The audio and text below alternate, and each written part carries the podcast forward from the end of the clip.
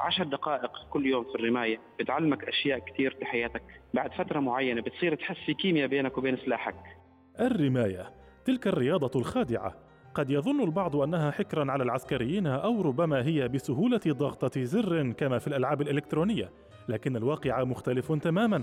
فأن تمسك سلاحا وأن ترمي رصاصا حيا فذلك يتطلب قدرات عالية من الدقة والتركيز والتحكم بجميع عضلات الجسم. تفاصيل يروي بعضها السيد عدنان الصالحي الذي احترف الرماية بالمسدس وأثبت نفسه في بطولات محلية. يحدثنا عن المفاتيح للوصول إلى هذه المرحلة وبعض تفاصيل هذه الرياضة.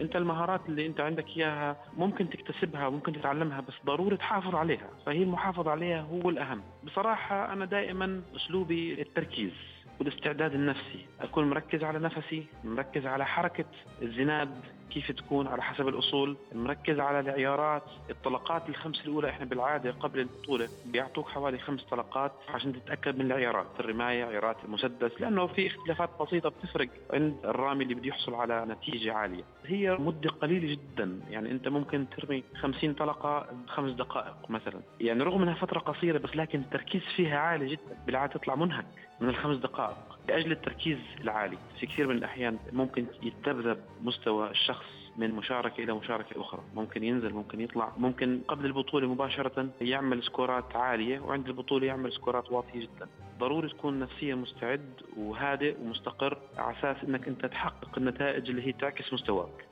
وإن كان صوت الرصاص مدويا وحمل السلاح يحتاج لقوة عضلية معينة إلا أن للنسوة نصيب أيضا من هذه الهواية.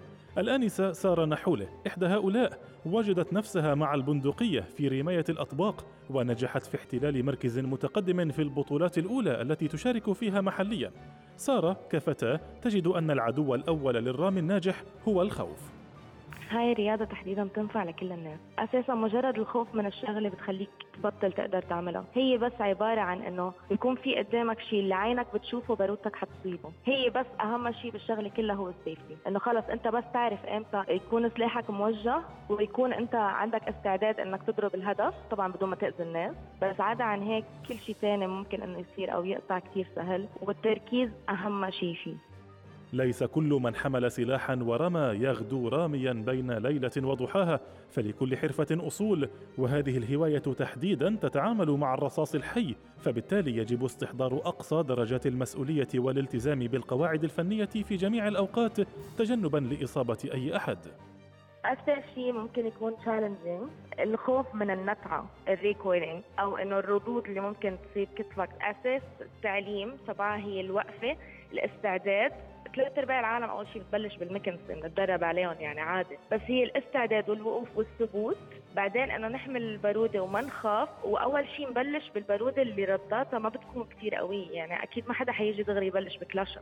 الوقفة طبعا مستقيمة والجسم ثابت والكتف ثابت وكل شيء إنك تضرب كذا ضرب بنفس اليوم وتتعب حالك وترهق حالك هو من الأشياء اللي بينصح فيها الواحد ابدا. كما يشعر سائق السباقات خلف المقود يشعر الرامي بشيء مشابه عندما يمسك بسلاحه.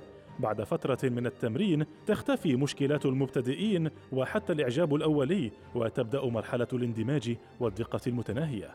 أحاسيس يرويها السيد عدنان.